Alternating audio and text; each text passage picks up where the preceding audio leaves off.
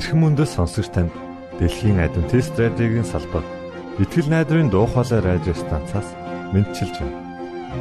Сонсогч танд хүргэх маань нэвтрүүлэг өдөр бүр Улаанбаатарын цагаар 19 цаг 30 минутаас 20 цагийн хооронд 17730 кГц үйлсэлээр 16 метрийн долгионоор цацагдж байна. Энэхүү нэвтрүүлгээр танд энэ дэлхий дээр хэрхэн аз жаргалтай амьдрах талаар зарчим болон мэдлэгийг танилцуулахдаа бид таатай байх болноо. Таныг амарч байх үед аль эсвэл ажиллаа хийж байх зур би тантай хамт байх болноо.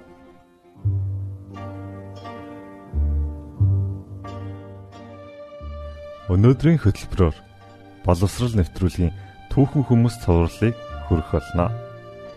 Үргэлжлүүлээд Бурхан минь намайг өөрчлөөч хэмээх магтан дуу танд хүргэж байна. Харин үүний дараа Есүсийн амьдрал хэмээх номыг танд аудио хэлбэрээр хүргэж байгаа лээ. Ингээ та нэвтрүүлгүүдэд хүлээн авна.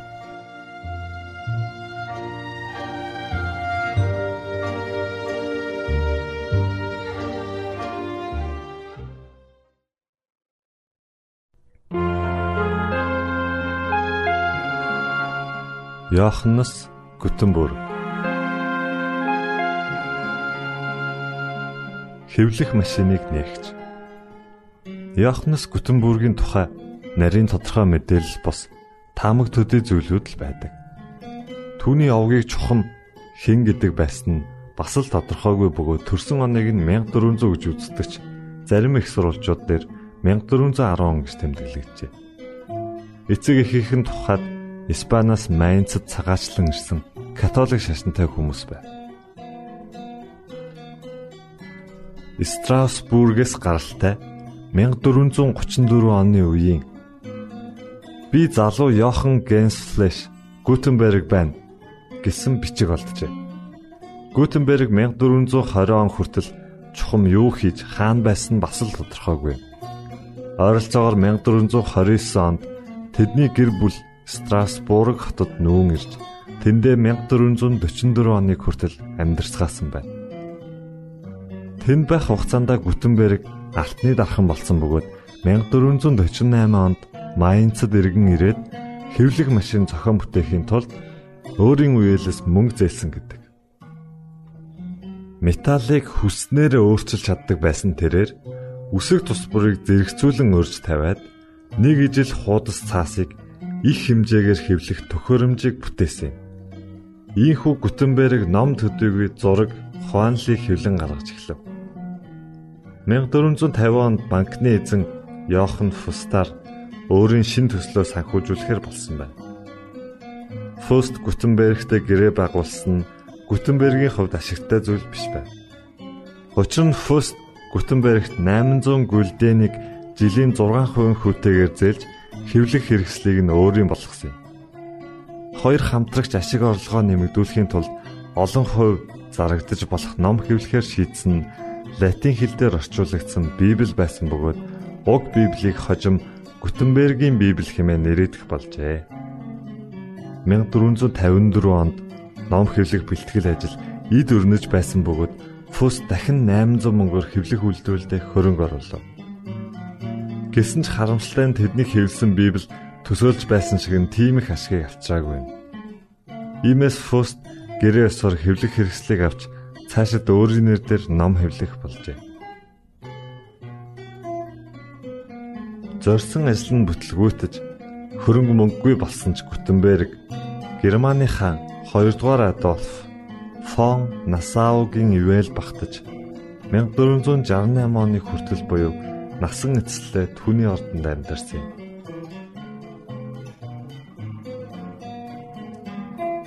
Нийтдээ 1200 хуудас бүхий уг Библийг Йоханнес Гутенберг 1455 онд Майнц хотод хэвлсэн бөгөөд хэвлэлийн ихээ 3 жилийн турш бэлдэж байжээ. Нийт 200 ширхгийг хэвлснээс 48 нь үлдсэн байна. Гутенбергийн Библи нь өнөө үед хамгийн үнэтэй номын тоонд 109-оор ордог юм.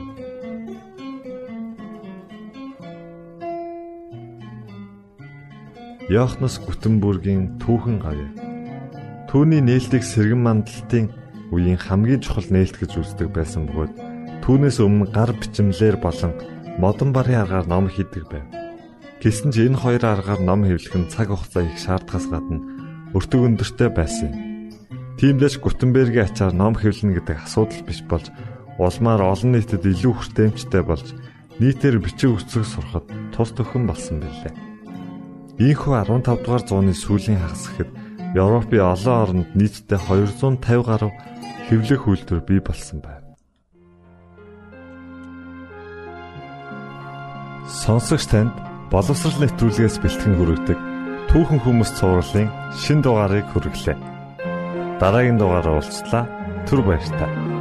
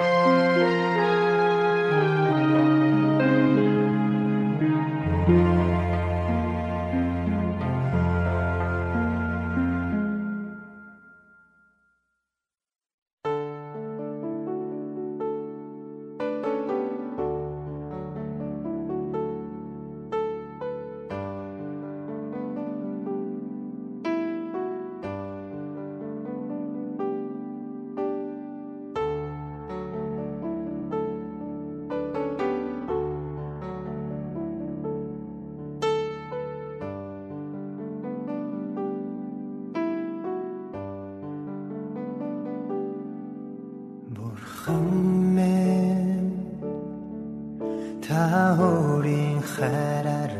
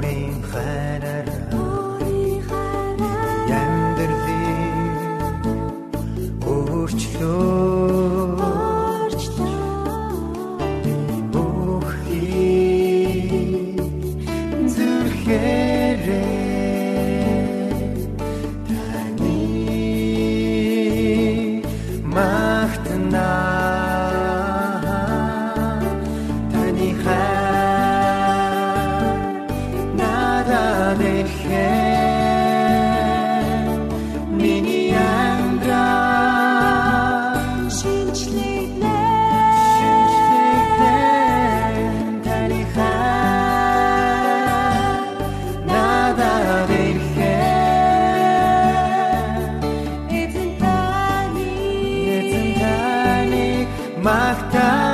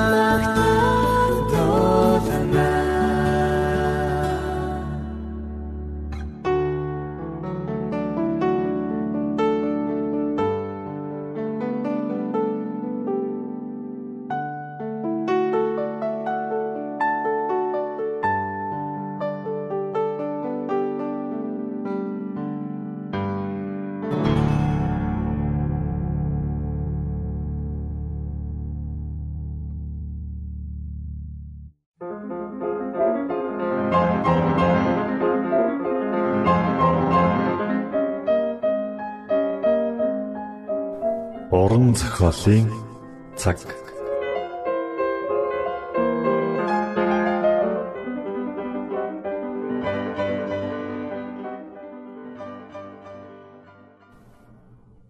Есүс энэ дэлхийд ирсэн нь Галилийн уул толгодын дунд орших Назар хэмээх бяцхан суурьнд Йосеф Мари хоёр амьдран суудаг байв. Тэд Есүсийн дэлхий дээрх эцэг эх нь болох болно. Йосеф бол Давид хааны удам. Тэр цагт Ромчууд ард иргэдээс татвар авах тушаал гаргахад Давидын хот болох Бэтлехэм рүү татвараа төлөхөөр Йосеф явах болжээ. Тэр цагт нааш цааш аялна гэдэг амар хэлбэр байсангүй. Мария нөхөртөөгөө Бэтлехэм явах Бартад өгсүр замаар явсаар ихэд ядарчээ. Хөөхий бүсгүй тухтай сайхан амрах газар хүрсэн гэж хичнээн хүсэж байсан бол харамсалтай нь ойтсон газарт нь дэм буудлууд хэдийнэ дүүрсэн байлаа. Баян эрх мэдэлтэй нэгэнд тогтой сайхан газар олдож байхад хөөхий энхүү даруухан аялагчд малын сарвч нь хоноглохоос өөр аргагүй боллоо. Тэрхүү малын сарвч нь бидний аврагч Есүс мэдлээ. Ээж Мариан хүүгээ малын твсэнд хэвтүүлв. Ийхүү даруухан твсэнд сүр жавхлангаараа Тэнгэрийг гүйвлэгч дээд бурхны хүү нойрсож байлаа. Есүс дэлхийд ирэхээс өмнө Тэнгэрлэгч нарын удирдахч байсан. Юутай ч зүйрлэшгүй агуу гэрэл гэгээ цацруулсан Тэнгэрлэгч нар Есүсийн алдар суг магтан тунхаглаж байлаа хаан Есүсийг сентиндээ сох үед Тэнгэр элч нар бүгд нүрээ халахлан мэхийн осолдог байжээ. Тэд түүний хүндэтгэн титмээ хөлдөн тавиад түүний агуу хүч чадлыг бахтан магтан дуулдаг байлаа. Есүс хаан суудал заларч хаан титэм зөөж хааны нөмрөг нөмрөн эцгийнхээ дэргэд үлдэж болох байсан. Гэвч Бидний төлөө Тэнгэрийн хаанчлалын бүхий л их мэдлээ дэлхийн ядуу аж амьдралаар солих сонголт хийсэн байна. Есүс өөрийг нь хайрладаг Тэнгэрлэгч нар болон хаан судлаа орхих замыг сонгосон билээ. Тэрээр биднийг хайрлсан учраас хүнд бэрх амьдрал ичгэвтер үхлийг хүлээн зөвшөөрчээ. Бурхан бидэнд ямар их хайртаг Христийн энэ бүх шийдвэр харуулсан юм. Тэрээр энэ дэлхийд Бурхны хүсэл дуулууртай байснаар Бурханд хүндэтгэл үзүүлж болохыг амьдралаараа харуулсан.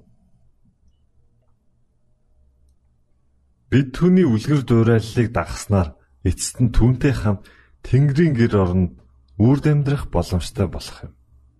Тэрээр энэ бүхний төлөө ирсэн.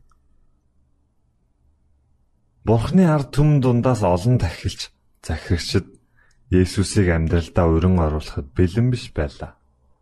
Хэдийгээр тэд аварч удахгүй ирнэ хэмээн хүлээж байсан боловч түүнийг агуу хаан болж ирээд амьдралыг нь баян тансаг болгоно гэж мөрөөдөж байв.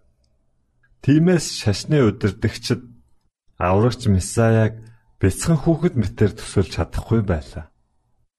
Христийн дэлхийд мэндэлснийг тунхагласан сайн мэдэг бурхан тэдэнд мэддэггүй. Харин хончтод эхлээд энэ мэдээг сонсгосон юм. Тэрхүү хончид сайн хүмүүс байлаа. Хончид шөнөөр хоноо манахтаа амлагдсан аврагчийн тухай ирж түүнийг эрх талаар чин сэтгэлээсээ залбирч байсан тул Бурхан тэдэнд аврагч ирснийг мэдгэжээ. Гинт эзний тэнгэрэлч тэдний өмнө зогсож эзний цог жавхлан эргэн тойронд нь гисэнд хончид үлэмжийн айдас давтжээ.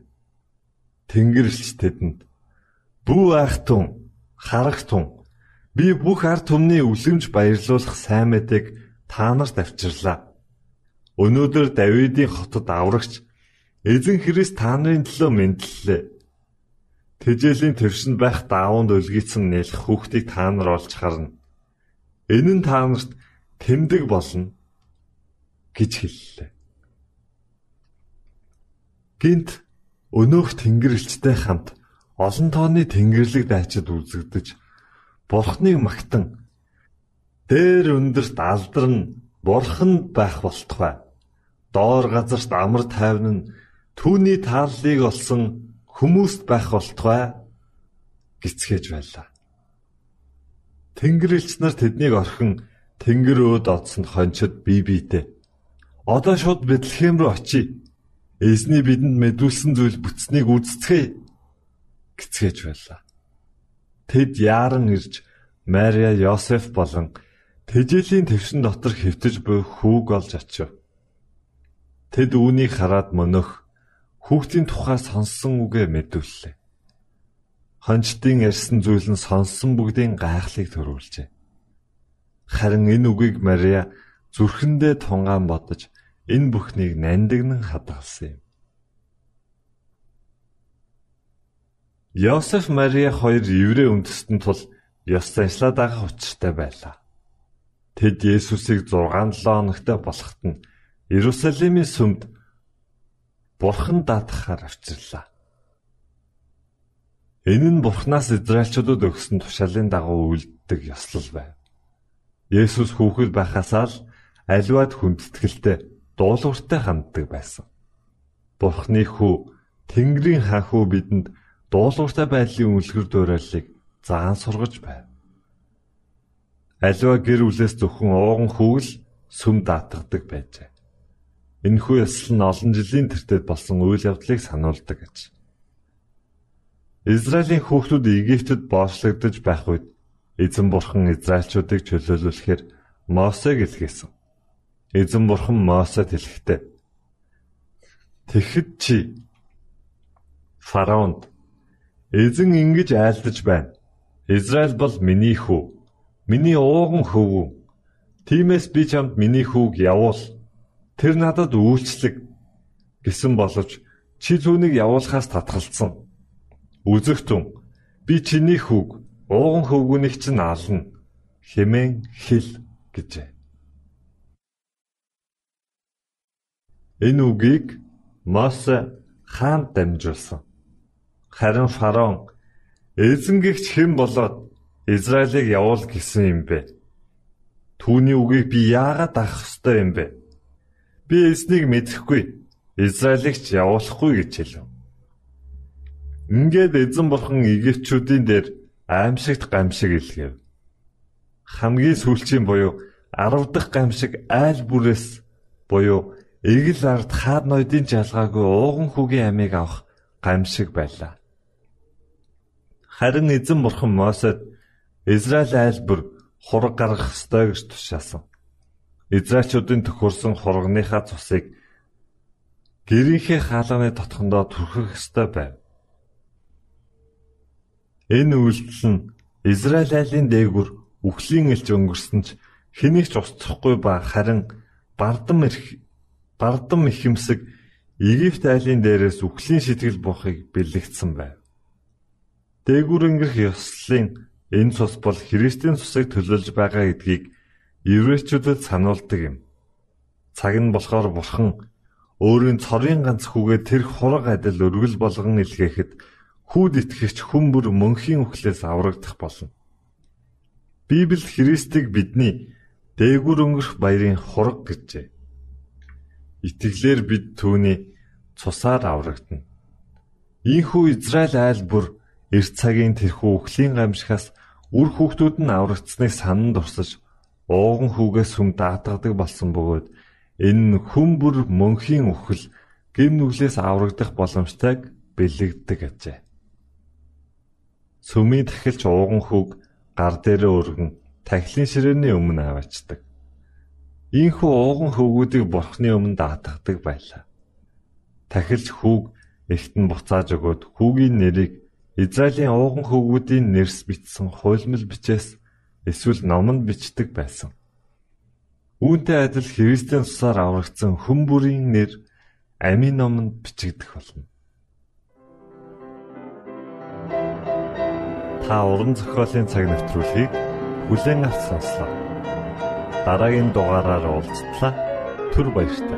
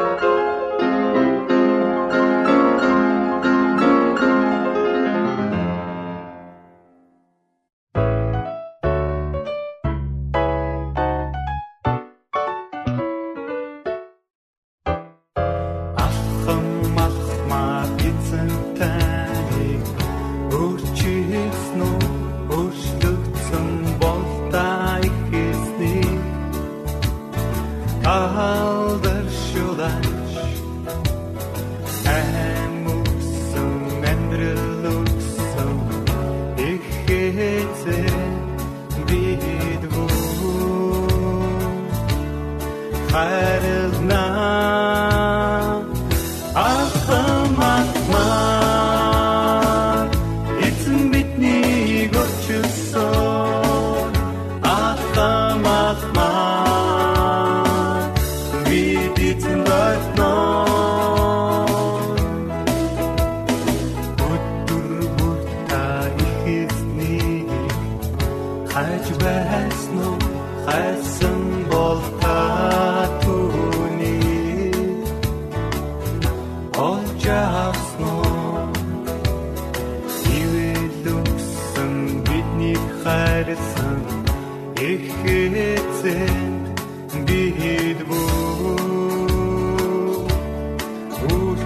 хоолой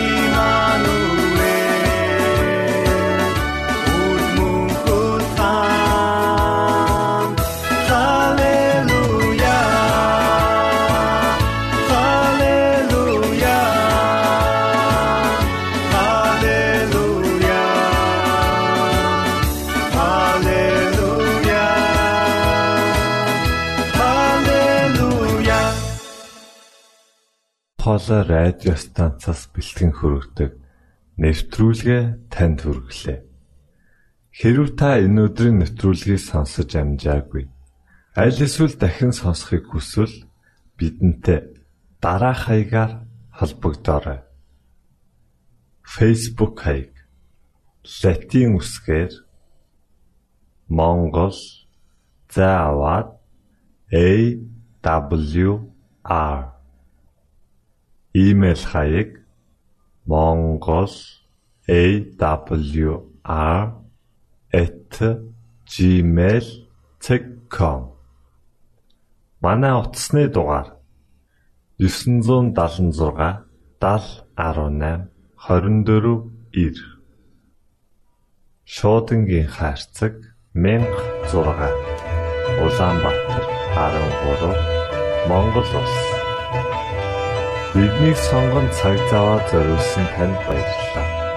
Бурхан таныг ивээх батугай